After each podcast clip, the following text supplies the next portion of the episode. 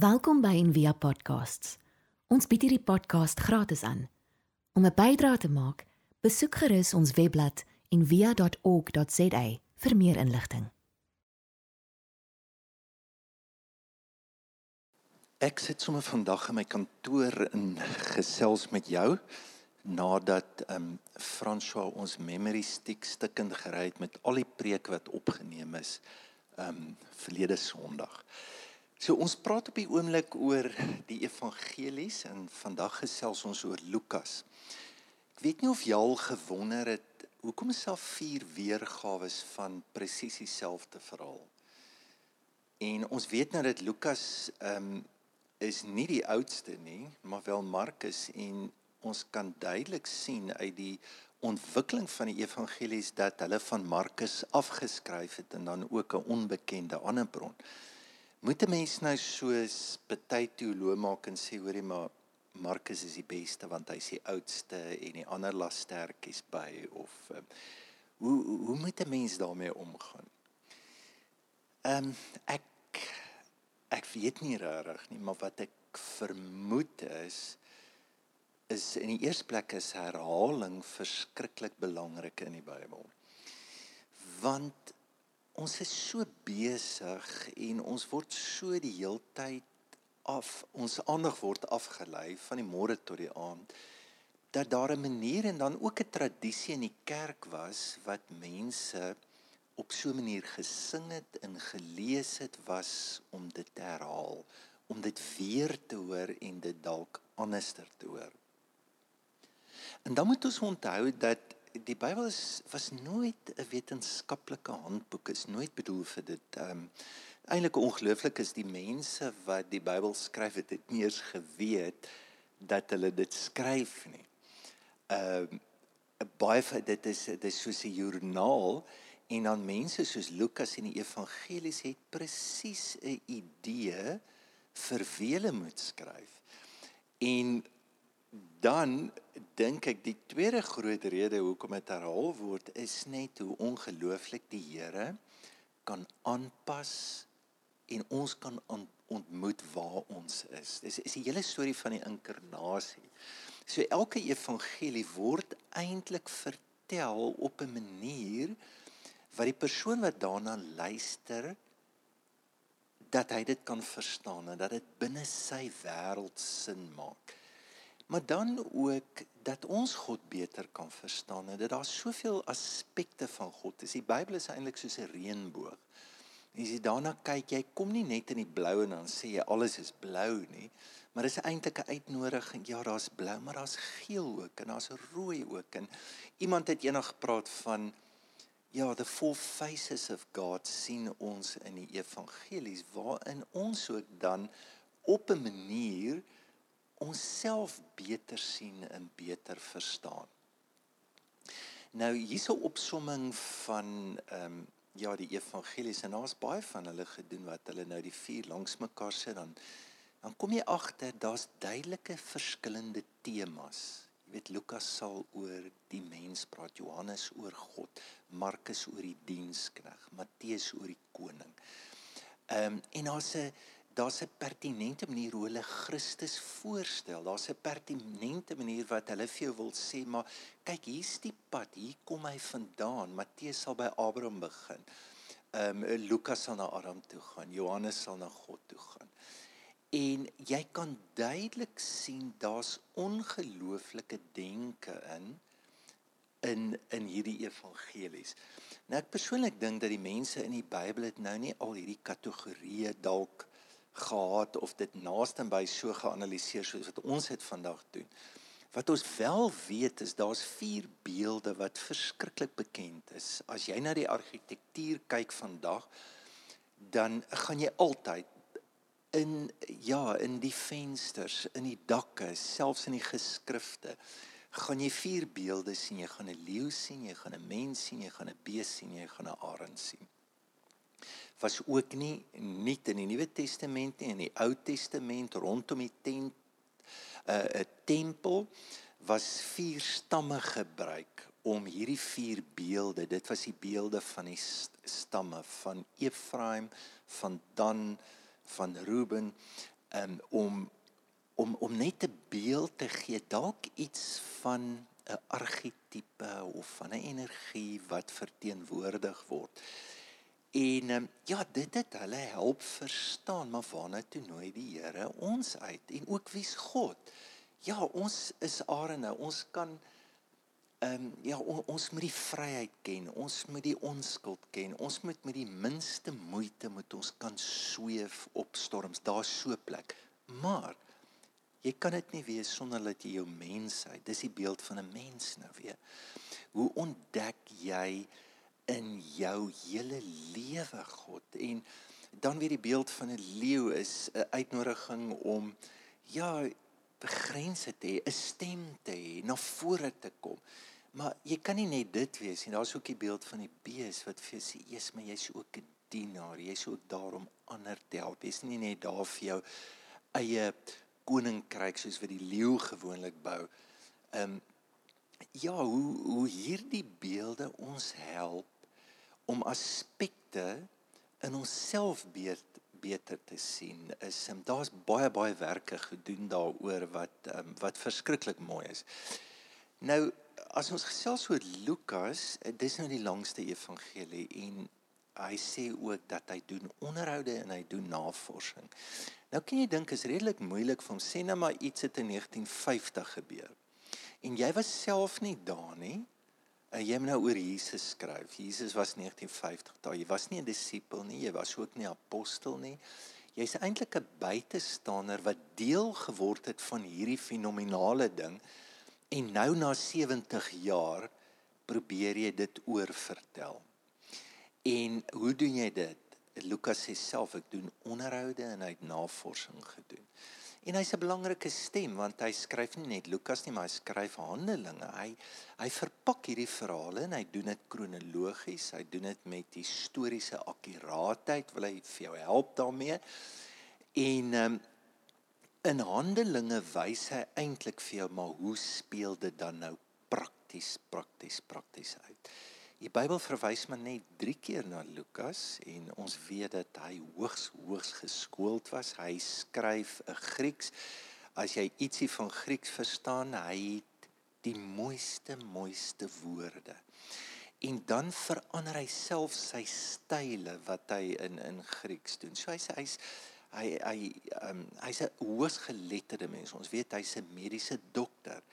En dan is hy nie 'n Jood nie en dit wil voorkom of hy wel baie geestelik hy dat hy 'n tipe spiritualiteit uh, in die Griekse en Hellenistiese kultuur gehad wat hy regtig op soek was en dat hy iets in Christus ontdek het. En dan skryf hy nou vir Theophilus, dis ehm um, dit is nie noodwendig 'n persoon nie, al word baie geskryf oor wie was hierdie persoon. Dit kan ook net 'n generiese manier wees ehm um, waarop mense aangespreek was in daai tyd. En dan ja, dan fokus hy veral op stedelike mense. Ehm um, en dan as jy nou Jood was, dan sou jy sê hy skryf vir die heidene, want enige persoon wat nie 'n Jood was was daai tyd nou 'n heiden. Nou ek stem saam met die skematiese voorstelling wat ehm um, en baie van hulle wat daar is wat Lukas se tema, se hooftema is redding. Hy wil hê jy moet weet dat die Here gekom het om jou te red en om almal te red. So die storie wat ons gelees het vandag van Saggeus sluit so af dan sê dit en die seun van die mens het immers gekom om te soek en te red wat verlore was. So as Lukas begin dan begin hy sy evangelie met 'n klomp gebeure. Hy begin met Maria wat wat sing. Die Here is my redder. Hy's by die skaapwagters wat wat sê, daar's 'n redder in die stad van Dawid. Vat jou na Simeon toe wat sê hy hou Jesus in sy hart. Dan sê vandag het ek redding met my eie oë gesien. Dan vat hy Johannes die Doper toe wat Jesaja 40 vers 5 aanhaal. In alle vlees sal God se redding sien. Nou in die Ou Testament was nou bekende term wat vir God gebruik was, maar wat baie keer ook vir mense wat help om omstandighede om ander te red soos in die rigters. Maar vir Lukas en in die Nuwe Testament 8 keer sal hy dit aan God toedig dat God die redder is en 16 keer sal hy dit sê oor Jesus. Nou hoe bou hy hierdie narratief oor redding? Hy neem 7 keer die woord wat Markus gebruik van redding, gebruik hy net so. Maar dan gebruik hy ook op 10 ander plekke gebruik hy die woord redding wat nie in enige ander evangelie voorkom nie. En dan bou hy dit rondom 'n godsdienstige verstaan. Hierdie is nie 'n Griekse verstaan want dit was bekende woord. Dis nie 'n esoteriese begrip vir hom nie. Hy gaan haal dit uit die huis van Dawid. Hy wil wys hoe dit in Christus is en dan wil hy vir jou in Handelinge wys, maar kyk, so is dit prakties. Nou, wat is sy verstaan van redding? In die eerste plek is dat God red jou as mens en dat redding is bedoel vir jou menswees. Daarom begin hy sy geslagsregister by Adam. Hy wil vir jou wys dat kyk waar alles begin, die woord Adam beteken mens. Dit is is waar dit stof mens, is waar dit vandaan kom.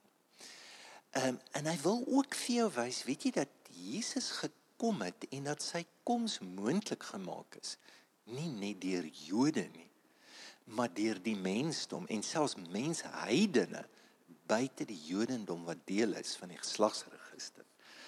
Hy noem Jesus 26 keer die seun van die mens. Ja, nie die seun van God nie. Ehm um, hy hy hy hy wil jou 'n blik in 'n gesig wys. Hy wil vir jou wys hy's 'n koning, hy's 'n priester, hy's 'n profeet, maar hy's 'n dienende mens ook in in, in hierdie evangelie. En as hy jou stories vertel oor redding, dan sal hy vir jou vertel met die Here red jou van jou vyande. Nou wat se dimensie is dit? Dit is sosiaal kom die Here na jou toe. Hy wil vir jou wys dat die Here red jou deur vergifnis. En dis 'n geestelike dimensie. Hy wat self 'n mediese dokter was, hy vertel 'n storie net van waar die Here iemand gesond maak en dan sal hy vir jou sê hierdie persoon is gered. So hy wys vir jou maar redding is fisies. Dan vertel hy 'n storie waar die Here se teenwoordigheid ervaar word en dan sal hy sê maar redding is hierso. Die Here het nou mense gered. Met ander woorde 'n psigiese, emosionele verstaan en dan ek bedoel hierdie storie wat hy van Saggeus vertel is verskriklik radikaal dat toe Saggeus geld gee, toe sê Jesus vir hom: "Vandag het redding na jou toe gekom." Wat betref daar's ook 'n materiële dimensie, iets wat ons nie altyd in in in kerke eers van hoor nie. So wat hartseer is in die kerk en ongelukkig binne evangeliese kringe het ons dit gedoen. Ons het ons het dit net oor vergifnis gemaak. Ons vertel net een aspek ehm um, van redding. En ons vertel dit ook so dat die Here red jou siel en as ons vir mense vra is jou siel gered, dat eendag gaan jy hemel toe en hoe gaan jy hemel toe? Jy het 'n transaksie gemaak. Jy het ehm um, of iets prakties gedoen, twee goed of drie goed wat jy gedoen het en daarom daarom gaan jy. Maar ek dink dit is duidelik in hierdie uh, verhale wat veral Lukas vertel, dit dit gaan nie oor 'n transaksie nie, maar eintlik soos wat goed in die hemel is, moet dit hier op aarde word. Dis redding en dit sluit jou totale totale menswees in. En God wil jou help om 'n mens te word en menslik te wees. Ons gebruik ook die uh, woorde, "Ja, maar jy's onmenslik." So die die storie is nie soos wat ons dit vertel. Jy's 'n verskriklike sondige mens en sonde gebore en jy moet geestelik word nie. En hoe doen jy dit? Jy moet net hier 'n goeie morele mens word. Dis eintlik die storie is jy is 'n diep geestelike mens. Jy's 'n geestelike wese en jy moet leer om mens te word. Jou storie is soos God se. En sy storie is dat hy wat God is, word mens. En dis iets verskriklik mooi en inherënt in hierdie storie van Saggeus. So die woord saggies beteken eintlik onskuldig. Maar wat is hy? Hy's 'n skelm. So op 'n manier vertel hy hierdie storie om vir jou te wys hoe gaan Jesus om met mense dat hy respekteer die diepste waarheid. Dit wat jou naam is en wie jy werklik is, jou ware self. Jy is onskuldig. En deur tyd met Jesus te spandeer, kan jy nader kom aan wie jy werklik is, die onskuld van jou naam. En wat radikaal is van hierdie storie is die Here red nie net vir Saggeus nie. Dis nie iets vinnig wat in sy hart gebeur of 'n net 'n geestelike dimensie nie. Jesus staan op dan sê Jesus, "Vandag het redding vir jou en jou huis gekom." Jou huis en daai tyd en woord wat hy hier gebruik is, dit sluit jou sluit slawe in. So daar daar bestaan nie regtig 'n woord Jesus my persoonlike saligmaker wat wat wat glad nie in die Bybel voorkom. En ek wil dit sê natuurlik is hy jou persoonlike saligmaker. Maar ongelukkig ons verstaan die woord meer binne ons individualistiese narcistiese samelewing of soos die boekie wat die ou geskryf het looking out for number 1. En dit gaan oor my, ek en my Here. Dit dit dit is totaal vreemd in die Bybel. Die Here red jou deur mense. Die Here red jou omdat jy deel is van ander mense en hoe jy mense hanteer en en, en dit raak so eenvoudig soos dit eh, soos Petrus wat skryf. Hy sê manne, julle moet mooi met julle vroue leef sodat julle gebede nie verhinder kan word. So my gebede, my word nie gered. Dit dit help nie dit, dit gaan oor my verhouding met mense. Soos God na jou toe kom, vra hy nie net hoor jy hoe gaan dit met jou nie. Hy sê vir jou vra my, hoe gaan dit met die mense wat vir jou werk, met die mense die naaste aan jou. In die tweede plek as Lukas praat oor redding, dan is redding vir almal. Nou hy self kom van Antiochia af, dit is vandag Sirië. En ek dink hy moes gevoel het hoe voel dit om buite te staan. Um om nie 'n Jood te wees nie. Uh want as jy die Bybel lees, dan kom jy agter dat veral in Jerusalem, die eerste gemeente, was daar mense wat gevoel het jy moet eers 'n Jood word voordat jy Jesus kan volg. Toevallig die hele boek Galasiërs is opgedra aan hierdie mense en hulle word genoem was genoem die Judaiseerders. Wat ons ook baie keer vandag doen. Ons stel baie meer belang neem jy hierdie kultuur aan en as jy hierdie kultuur het, dan het jy Jesus ook. En en Lukas wil vir jou wys inteendeel baie teoloë sal vir jou sê maar hy's 'n universalis. Wat beteken dat die Here nie net vir Jode gekom het nie, maar hy red ook heidene.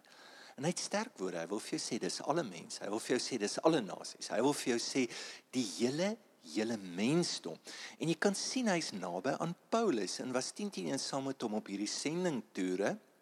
En Paulus sal na hom verwys as ja, die geliefde dokter. So wat het met Paulus gebeur? Hy kon dit nie uithou in Jerusalem in die moedergemeente nie en hy's weg um Antiochië toe en hulle het hom gestuur na wie toe? Na mense buite. En dit help ons om kerk beter te verstaan. En Lukas se hele boek oor Handelinge help jou om dit te verstaan. Hy hy noem sy gehoor Israel. Wat hy vir jou wil sê is hoor jy daar's nou 'n nuwe Israel. God sluit eintlik nou almal in. Dit dit is nie net Jode nie. En ja, die kerk het begin in 'n sinagoge, maar kyk nou gebeur hier sinagoges oral.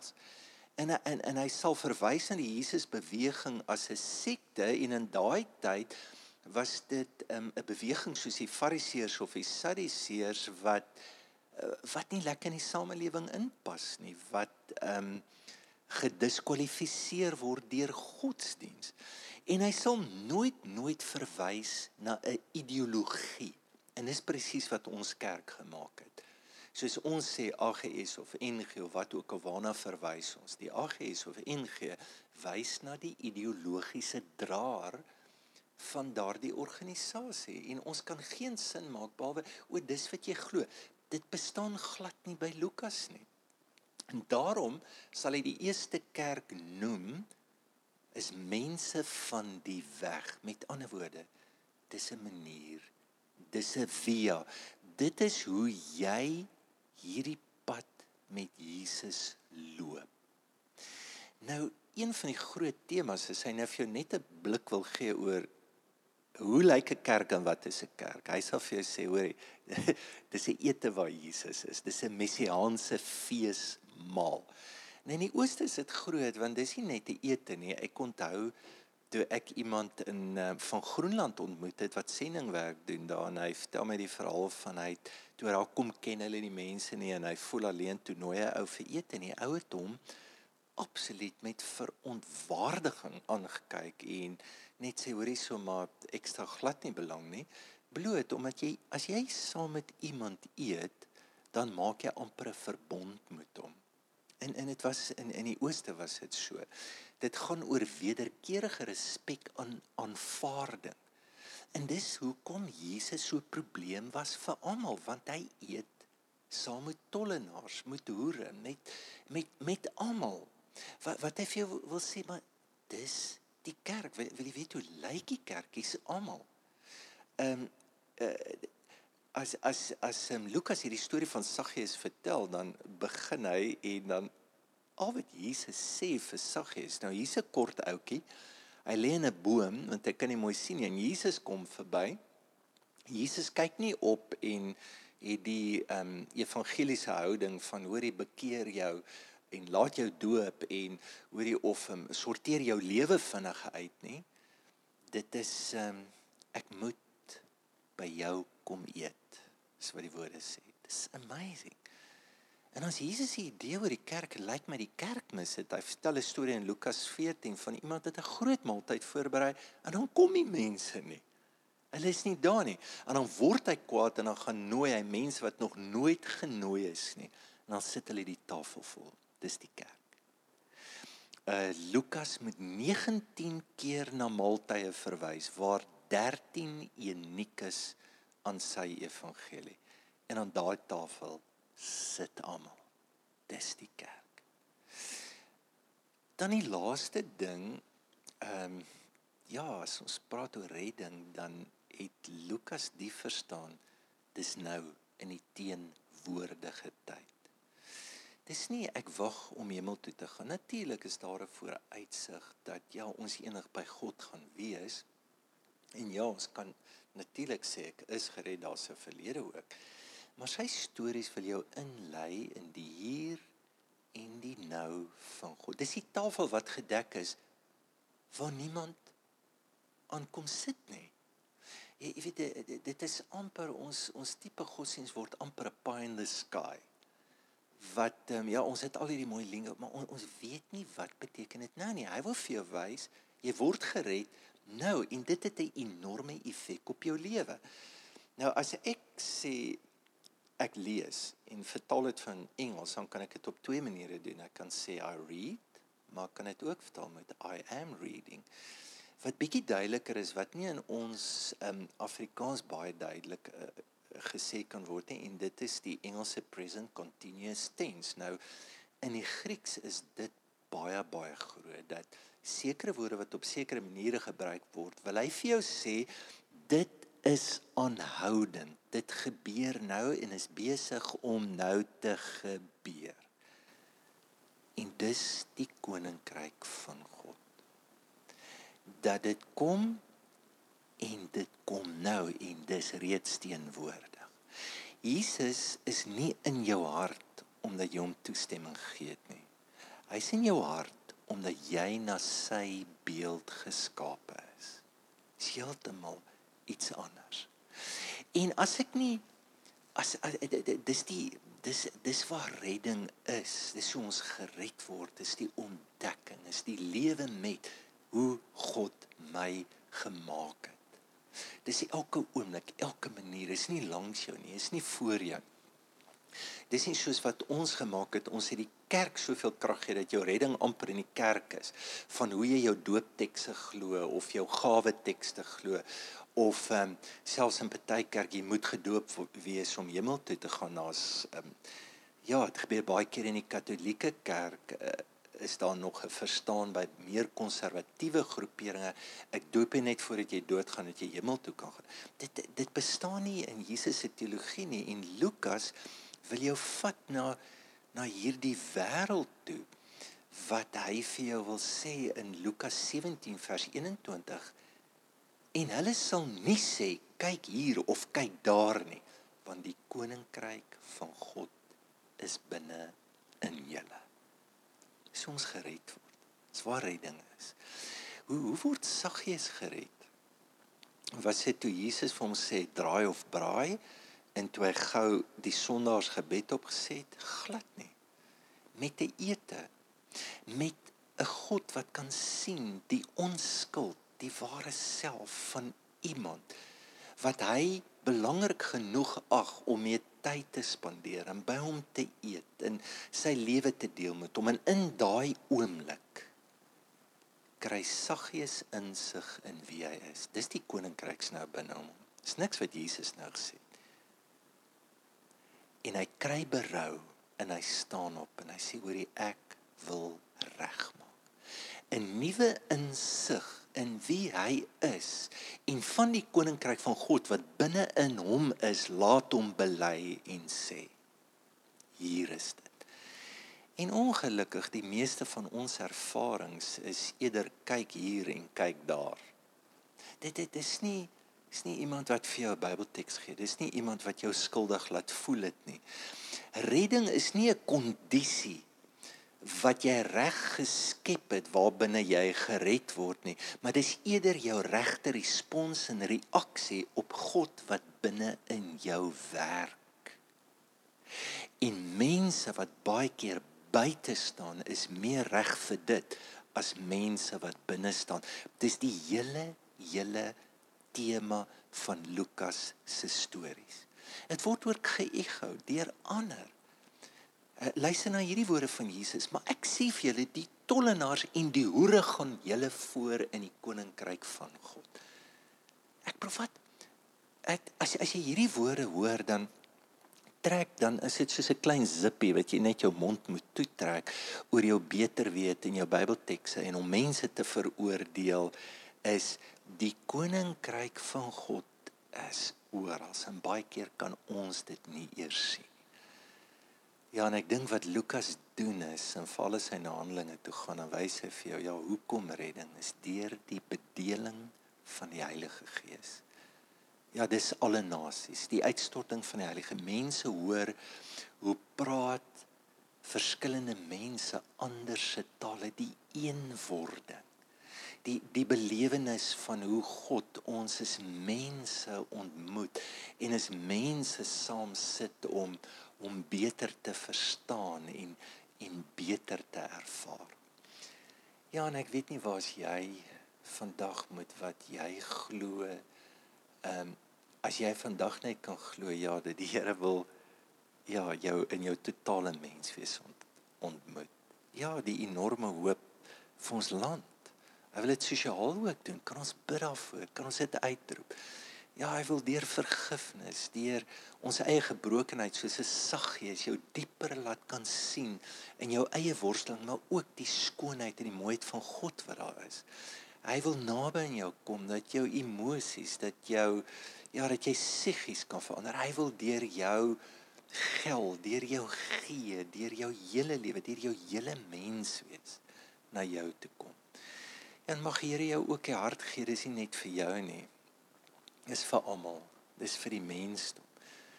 En dat baie keer is mense nader aan hierdie teenwoordigheid en hierdie krag in hulle lewe as wat ons wat in die kerk sit en om om dit te kan erken maar ook om die hoop te hê dat God reeds daar is dat ons kan nie mense red nie. Ons kan net saam met mense wees deur daar te wees met die God wat al reeds teenwoordig is. Ja, en mag ons groei in die koninkryk wat binne in ons is. Wat nie informasie is of beter weet of meer weet of groter wonderwerk of ervarings nie, maar eerder 'n dieper insig van my eie lewe om nader te kom aan hoe ek Christus beter ehm um, te kan lief hê. Kom ons bid daarvoor. Ag Here, baie dankie. Ja, dat dat U ons ontmoet as mens en dat U ja, nie net vir ons 'n storie vertel wat geestelik is nie, maar wat dit ons hele lewe raak. En Here red ons in dit. En dankie vir Lukas wat wat ons help om hierdie gesig en hierdie blik op U te kry, U beter te verstaan. Help ons om om beter mense te word van deur werklik mense te word soos wat U vir ons gemaak het, sal ons die diepste geestelikheid kan lewe wat ehm um, ja wat baie keer nie inpas in die kerk nie. Maar wat U gehad het en wat U geleef het en dankie daarvoor. Amen. Ons hoop van harte jy het hierdie podcast geniet of raadsaam gevind. Besoek gerus en via.ok.za vir meer inligting.